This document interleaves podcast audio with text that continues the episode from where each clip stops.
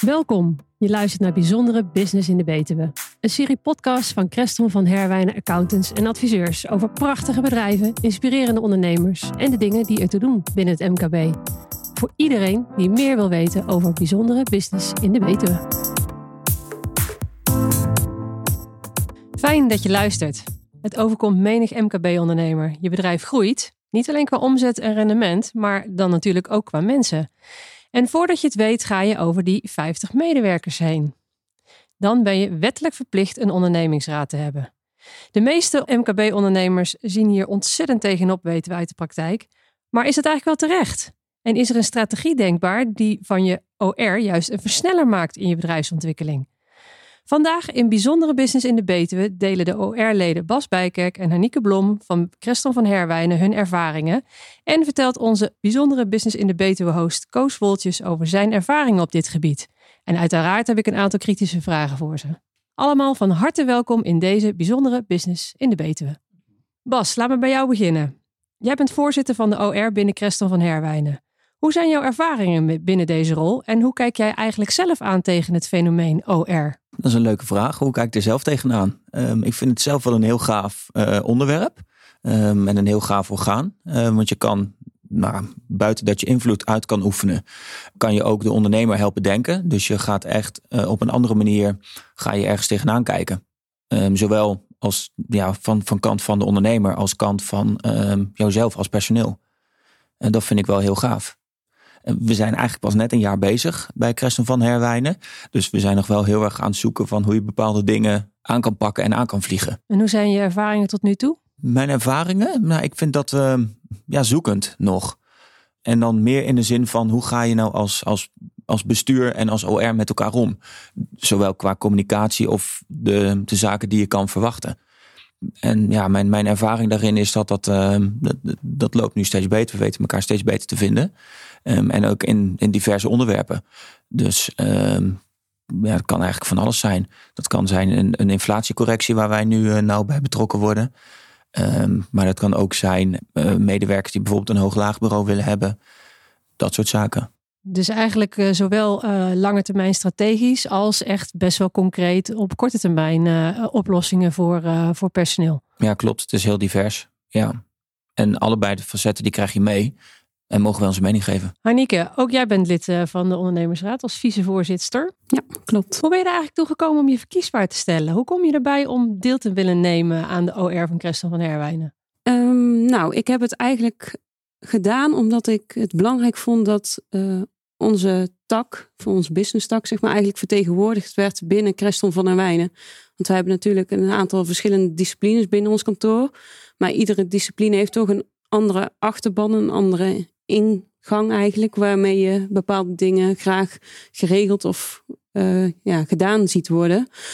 En um, ik vond het daarom belangrijk dat wij als, ik ben zitten dan namens de accountants uh, tak in, zeg maar. Ik vond het heel belangrijk dat wij als accountants, zowel audit als samenstel, in ieder geval vertegenwoordigd waren. En dan ook gewoon konden zeggen van voor ons is dit heel veel van belang. En dit zit ook in de markt bij ons. Zo speelt de markt uh, qua medewerkers bij andere kantoren.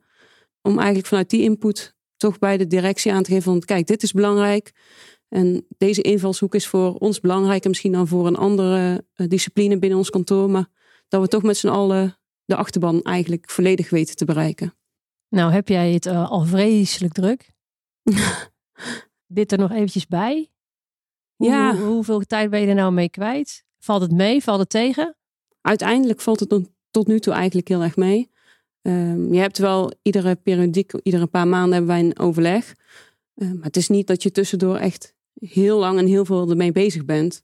We zijn nu ook natuurlijk nog in de opstartfase. Dus we zijn nog op zoek eigenlijk naar uh, ja, wat moeten we precies doen en waar liggen onze grenzen? Wat mogen wij wel eh, als OR zijn en wat mogen we dan weer niet?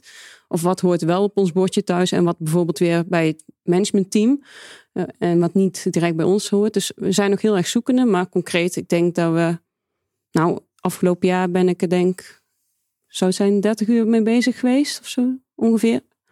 Uitgezonderd van de cursussen dan, want wij hebben een aantal cursussen ervoor gevolgd, maar ja, daar wil ik je ook eigenlijk net naar vragen. Want ik wist dat jullie cursussen gevolgd hebben. Heb je nou ook het idee dat je, dat je die behalve voor jouw rol binnen de OR, dat je die ook voor je persoonlijke ontwikkeling als uh, mooie toevoeging ziet? Ja, ik denk wel dat we er ook naast onze OR-functie, dat we er ook echt iets aan hebben gehad aan de, de cursussen. Want je hebt daar toch je eigen proberen te profileren uh, op een andere wijze, zeg maar. Want het lastige binnen een OR is eigenlijk dat wij gewend zijn van wij zijn de werknemers en de bestuurders, daar zijn de directieleden en daar hebben wij uh, toch een bepaalde hiërarchie eigenlijk in zitten. En in de OR vervalt daarmee eigenlijk heel de hiërarchie. En dat is eigenlijk het uh, lastige, dat je niet gewoon alleen maar oké zegt en dan weer verder gaat, maar dat je echt op een gelijkwaardig niveau met elkaar leert uh, communiceren. En dat is, ja, dat hebben wij in die cursus ook echt wel een fors aantal keer behandeld en geoefend. En ik merk wel dat je dat gewoon in andere gesprekken met uh, andere ondernemers, dat je die ervaringen wel meeneemt. Van goh, je kijkt er zo naar, maar we kunnen het ook zo of zo bekijken. En dan, ja. Koos, Jij bent niet alleen host van Bijzondere Business in de Betuwe, maar ook al tientallen jaren adviseur van MKB-bedrijven. Jij vindt eigenlijk dat ondernemers zich helemaal niet moeten verzetten tegen de komst van een OR, maar dat ze dat juist moeten omarmen. Wat bedoel je daarmee? fijn om hier, hierbij eh, te zijn. in deze rol, dat vind ik eigenlijk ook wel heel erg leuk. dat is nieuw, ehm, hè? Ja, dat is helemaal nieuw. Ja. Dat mag ik nu ook gewoon meedoen, zou ik maar zeggen. Ja, dat is leuk. Um, daar, weet je, ik merk in de afgelopen, nou, inderdaad tientallen jaren, ik merk dat MKB-ondernemers op het moment dat ze richting de 50 medewerkers gaan, dat ze zoiets hebben, oeh jeetje, nou moet ik ineens een ondernemingsraad hebben. En dan ben ik dan nog wel de baas in mijn eigen bedrijf en uh, ben ik niet mijn eigen weerstand aan het, aan het organiseren. En in sommige gevallen ja, is, is, dat, is dat ook wel zo. Althans, mensen hebben ervaring dat dat ervaren dat dat zo is. Alleen ik denk dat je er anders naar moet kijken als, eh, als, eh, als ondernemer. In mijn optiek is het belangrijk dat je een werknemervertegenwoordiging hebt in je organisatie. Want daar word je echt niet slechter van om je medewerkers mee te laten praten met de richting van het bedrijf. In ieder geval ook de ontwikkeling, de strategische ontwikkeling wellicht. Maar ook de dingen die er gebeuren. Je krijgt op tijd krijg je signalen wanneer er dingen tot stand moeten worden gebracht, et cetera. Bovendien, hoeveel ondernemingen zitten niet in veranderingsprocessen, ontwikkelingsprocessen? En dat is best wel ingewikkeld. Nou, mijn stelling is je komt op het punt dat je een ondernemingsraad moet vormen. Doe jezelf nou een lol als, eh, als ondernemer. En zorg nou, of zorg nou, nodig in ieder geval, of stimuleer je, je, je mensen, je beste mensen die je hebt. Stimuleer die nou om die een rol te laten spelen in die ondernemingsraad. Om twee redenen. Eén, daar worden mensen niet slechter van om gewoon eens binnen het bedrijf vanuit de, de positie van werknemer te denken en mee te denken met de ontwikkeling van de onderneming. Daar word je echt niet slechter van. Sterker nog, als je in de advieswereld zit zoals jullie zitten, word je een betere adviseur uh, van. En de, de andere reden, en die is niet onbelangrijk. Ik zei net, we hebben het met veel bedrijven gaat het over ontwikkelingen, gaat het over uh, veranderingsprocessen en et cetera.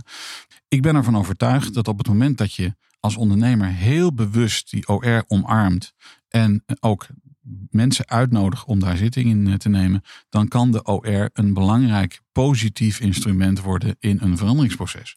Uh, kan het zelfs een katalysator worden in een veranderingsproces. Dan maak je jezelf als onderneming een stuk gemakkelijker om dingen tot stand te, eh, te, te brengen. Daar zijn tal van voorbeelden van. Want er zijn natuurlijk ondernemers die dat al doen. Maar ik adviseer daarom ondernemers altijd van joh, hik er niet tegenaan. Omarm het.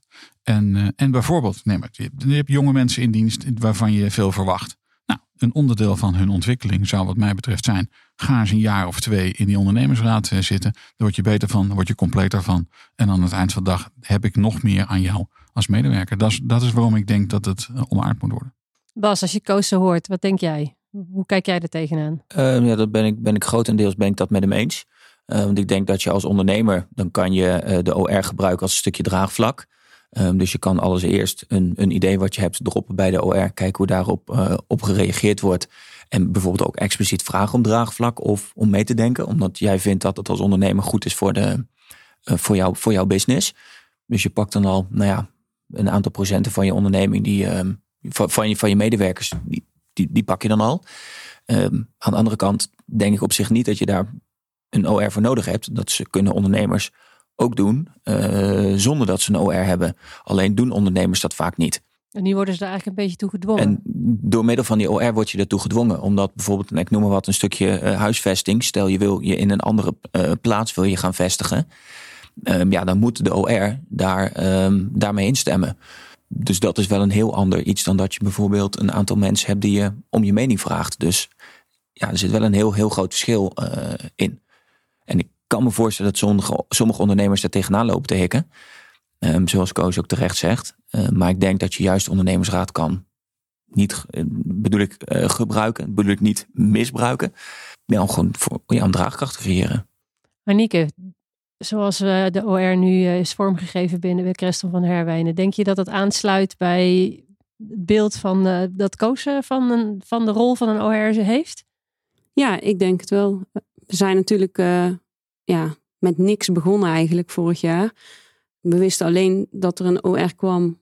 En we hebben ons uh, ingeschreven met het idee van wij gaan in ieder geval de werknemers vertegenwoordigen, maar daarbij ook niet het uh, belang van de organisatie in zijn geheel uit het oog verliezen. Want ik denk dat dan ook vaak een misvatting is dat als, als mensen iets bij een OR neerleggen, dat ze dan denken die komen op voor de werknemers. Maar in de praktijk werkt dat natuurlijk niet zo, want een OR is er voor de organisatie en voor de werknemers. Dus voor eigenlijk het beste uit allebei te halen. En ik denk dat wij daar op dit moment wel aardig in slagen. Je ziet steeds meer dat de bestuurders ook ons betrekken bij allerlei onderwerpen waar ze ons vanuit de wetgeving niet bij hoeven te betrekken, maar gewoon puur omdat ze willen weten hoe het leeft onder de medewerkers en wat de achterban ervan vindt, zodat wij ze daar een input over kunnen geven van gewoon, maar de werknemers op de vloer die denken er op deze manier over. Dus wellicht kun je er nog eens een keer op een andere manier nakijken. Of... Helemaal eens, want we hebben op dit moment uh, gaat het, we hebben een probleem op de arbeidsmarkt. We hebben het heel moeilijk om mensen te vinden. En het is ook soms moeilijk om mensen te houden. En dat betekent dat dit is een onderdeel van hoe je mensen uh, kunt houden. Uh, hoe je mensen tevreden kunt houden en uiteindelijk hun ideeën mee kunt nemen in de besluitvorming over welke dingen je wel doet en welke dingen je niet doet, toch? Ja, we zijn eigenlijk een soort tussenlaag tussen de bestuursdirectie en de medewerkers. Want in principe kunnen wij ook altijd bij de bestuurs- en directieleden binnenlopen met dingen uh, waar we tegenaan lopen. Maar je ziet toch in de praktijk dat medewerkers die stap niet zo snel durven te nemen. En als ze dan uh, met iets rondlopen en ze stappen bij een OR-lid binnen. En die nemen dat als een geheel voor de organisatie mee als input bij de bestuurders.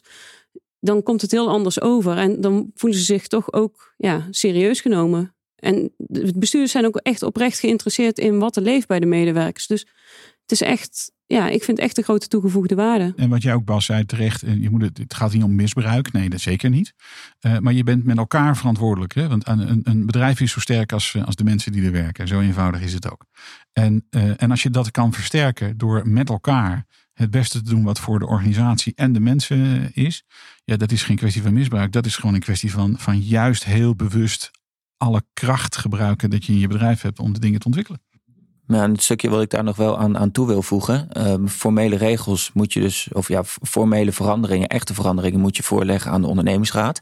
Dus het, je, het dwingt je ook als ondernemer om in een, vroeg in een vroeg stadium je ideeën al kenbaar te maken. En niet ineens dan met uh, plotsklaps iets te veranderen. Dat gaat natuurlijk vaak medewerkers vinden snelle veranderingen heel ingewikkeld. En als je jouw plan al bij de ondernemersraad neerlegt, dan kan de ondernemersraad het al voorleggen aan de medewerkers of aan je achterban. Dus dat kan juist, een, juist ook voor meer acceptatie zorgen.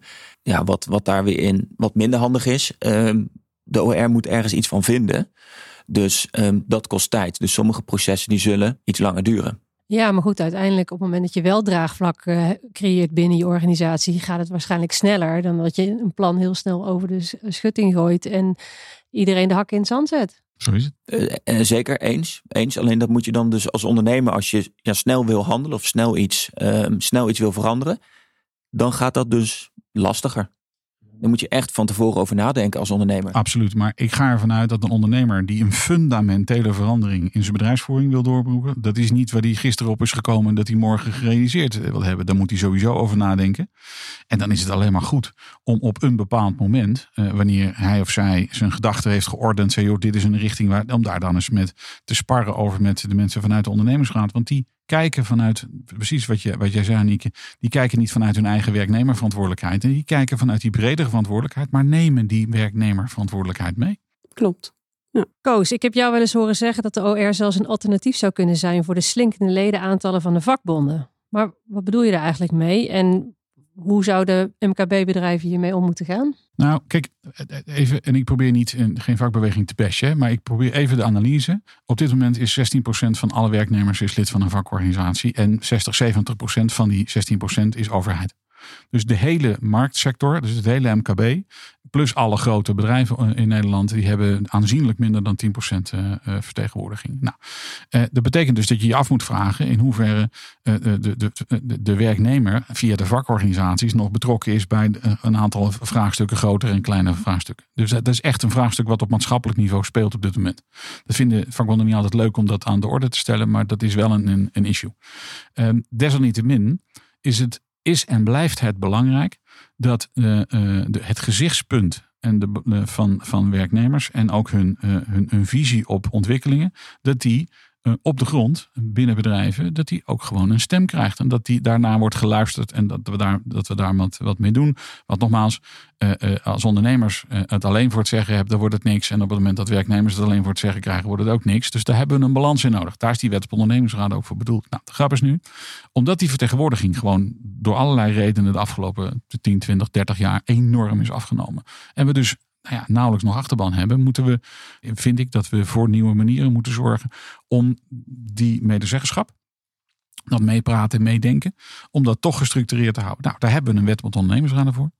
En ik weet toevallig dat uh, een, 10, 15 jaar geleden Aartjan de Geus, die was de minister van de Sociale Zaken, dat hij ooit eens een keer is begonnen met een wetvoorstel om inderdaad die wet met ondernemingsraden uit te bouwen naar zo'n nieuw soort overleg die niet afhankelijk zou zijn van ledenaantallen ten aanzien van die vakbeweging. Uh, alleen dat is toen om allerlei redenen ook weer afgeschoten. Uh, uh, mogen zo zijn. Als ik praat met mensen die hier verstand van hebben, althans die zich hiermee bezighouden, die zeggen wij verwachten de komende vijf jaar, drie jaar, vier jaar, vijf jaar, dat die ideeën weer uit de kast willen worden gehaald. Omdat we, we moeten redden in Nederland. Dat we nog steeds uh, vertegenwoordigend zijn. Dat we achterbannen hebben. Ik bedoel, de politiek, we weten allemaal de afstand tussen de politiek en en de burger. Die speelt een rol. In hoeverre hebben die nog achterban? Los van de, van de, van de, van de, de, de stem die men uitbrengt. Met ondernemers hebben we precies hetzelfde. Hebben, heeft VNO-NCW, hebben MKB in Nederland, hebben die nou echt, zijn die, voelen zich tegenwoordig de totale achterban? Daar kan je ook je vraagtekens bij stellen. En bij de vakbeweging is dat nog steeds zo. Ik vind dat we moeten nadenken over nieuwe manieren waarop we die balans, dat heet dan het Rijnlands model, en dat we die balans in Nederland, want daar is het uiteindelijk de, de hele polder op gebaseerd, dat wij proberen om het Rijnlands model overeind te houden. En ik denk dat de OR uh, en, de wet aangepast misschien, maar dat die daar een rol in zou kunnen, zou kunnen spelen. En hoe zie jij die rol dan, ook praktisch gezien? Misschien moet je die grens van 50 naar beneden uh, brengen, uh, iets. Of je moet op een andere manier, je moet misschien die wet om de ondernemingsraden hervormen. Ik deed dat ook niet. Ik ben in dat opzicht ook geen specialist. Alleen één ding is zeker ik ben ervan overtuigd dat wij op dit moment uh, het Rijnlands model uh, naar, uh, ja, naar achter aan het dringen zijn. En dat zou onze Nederlandse economie, maar ook onze sociale samengesteldheid, zou dat niet ten goede komen. En, en vertaalt zich in, onder andere in dingen die we nu iedere dag zien, dat mensen zich niet herkennen in, in wat vertegenwoordigende lichamen zeggen. Dus ik denk dat we daar wat mee moeten. Heb ik heb meteen ook het, meteen het antwoord? Nee, maar ik vind wel dat we daar met elkaar over moeten praten. Iets anders vind ik, maar dat is dan even heel praktisch. Eh, ik, ik, denk dat het verstandig is voor organisaties als Creston van Herwijnen, adviesorganisaties die zich bezighouden met het MKB, die elke dag bezig zijn met ondernemers helpen om hun eh, bedrijf eh, in de vaart der volken vooruit aan te stuwen. Ik denk dat het, dat het een idee is voor Creston van Herwijnen om eens na te denken of dit een onderwerp is waarin ze MKB-ondernemers kunnen ondersteunen. Maar goed, dit is, dit is NS1, dit is wat ik nu zeg. Dat is niet het, beleid per definitie van, van dit bedrijf. Maar ik vind dat dat een, een adviesonderwerp is, eerlijk gezegd. Niet alleen binnen de eigen organisatie, maar ook richting de klant. Oftewel, ondernemingsraden binnen, binnen Nederland krijgen misschien wel een, een, een wellicht een prominentere rol in de toekomst? Dat zou kunnen. En ik denk dat jullie daar een prachtig voorbeeld van zijn. Dat je een nieuwe ondernemingsraad bent. Maar dat je nu al vaststelt van joh, wij kunnen heel nadrukkelijk op voet van gelijkheid. Anike, dat is wat wat je zei.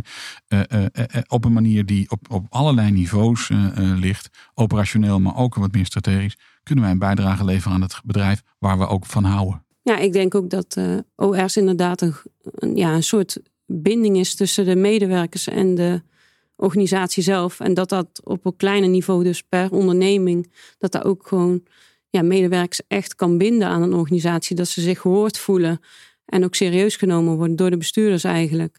Alleen je merkt in de praktijk inderdaad ook dat, ook al heb je meer dan 50 medewerkers, dat nog steeds niet alle organisaties een OR hebben, omdat ze gewoon te druk zijn met hun dagelijkse zaken. En dan, ja, de OR die schieten dan eigenlijk als eerste ook weer bij in. Want ja, de gewoon de echte kernactiviteiten die gaan altijd voor. Dus ja, je merkt gewoon dat de organisaties echt de tijd ervoor moeten nemen en bewust moeten kiezen voor een OR. Willen het echt een succes worden. Daar ben ik met je eens. En de grap is, diezelfde ondernemers die dat uitstellen, die, die klagen wel over het feit dat ze een veranderingsproces niet aan de praat krijgen, omdat ze onvoldoende mensen meekrijgen. Ja, daar, daar kan je een verbinding leggen, Bas. Ik denk dat dat echt zo is. Ja, zeker. Ja, wat ik net al zei. Het is heel mooi als je je medewerkers meekrijgt. En niet als ondernemer tussen aanhalingstekens maar doordendert. En je medewerkers niet meeneemt. Dus het is, ik denk dat het een hele mooie stok achter de deur kan zijn voor een ondernemer. Um, en voor jouzelf als, uh, als medewerker. Dat je op een andere manier uh, ja, over, over je eigen werk na moet gaan denken. En daar word je wel zo weer meegenomen. Dus onderaan de streep, 50 medewerkers en meer. Een OR is geen, uh, geen rem, maar juist een katalysator om veranderingen binnen je organisatie makkelijker draagvlak uh, te laten krijgen. Ik vind van wel, ja. Dank jullie wel voor jullie bijdrage aan deze bijzondere business in de Betuwe. Met jou in een andere rol, Koos. Ja, volgende keer weer, eh, weer anders. Ja. Volgende keer weer anders. Dank jullie wel. Graag, Graag gedaan. Dit was hem weer voor vandaag. Namens Bas Bijkerk, Arnieke Blom en Koos Woltjes. Bedankt voor het luisteren. Mijn naam is Marcia Schepers en tot de volgende.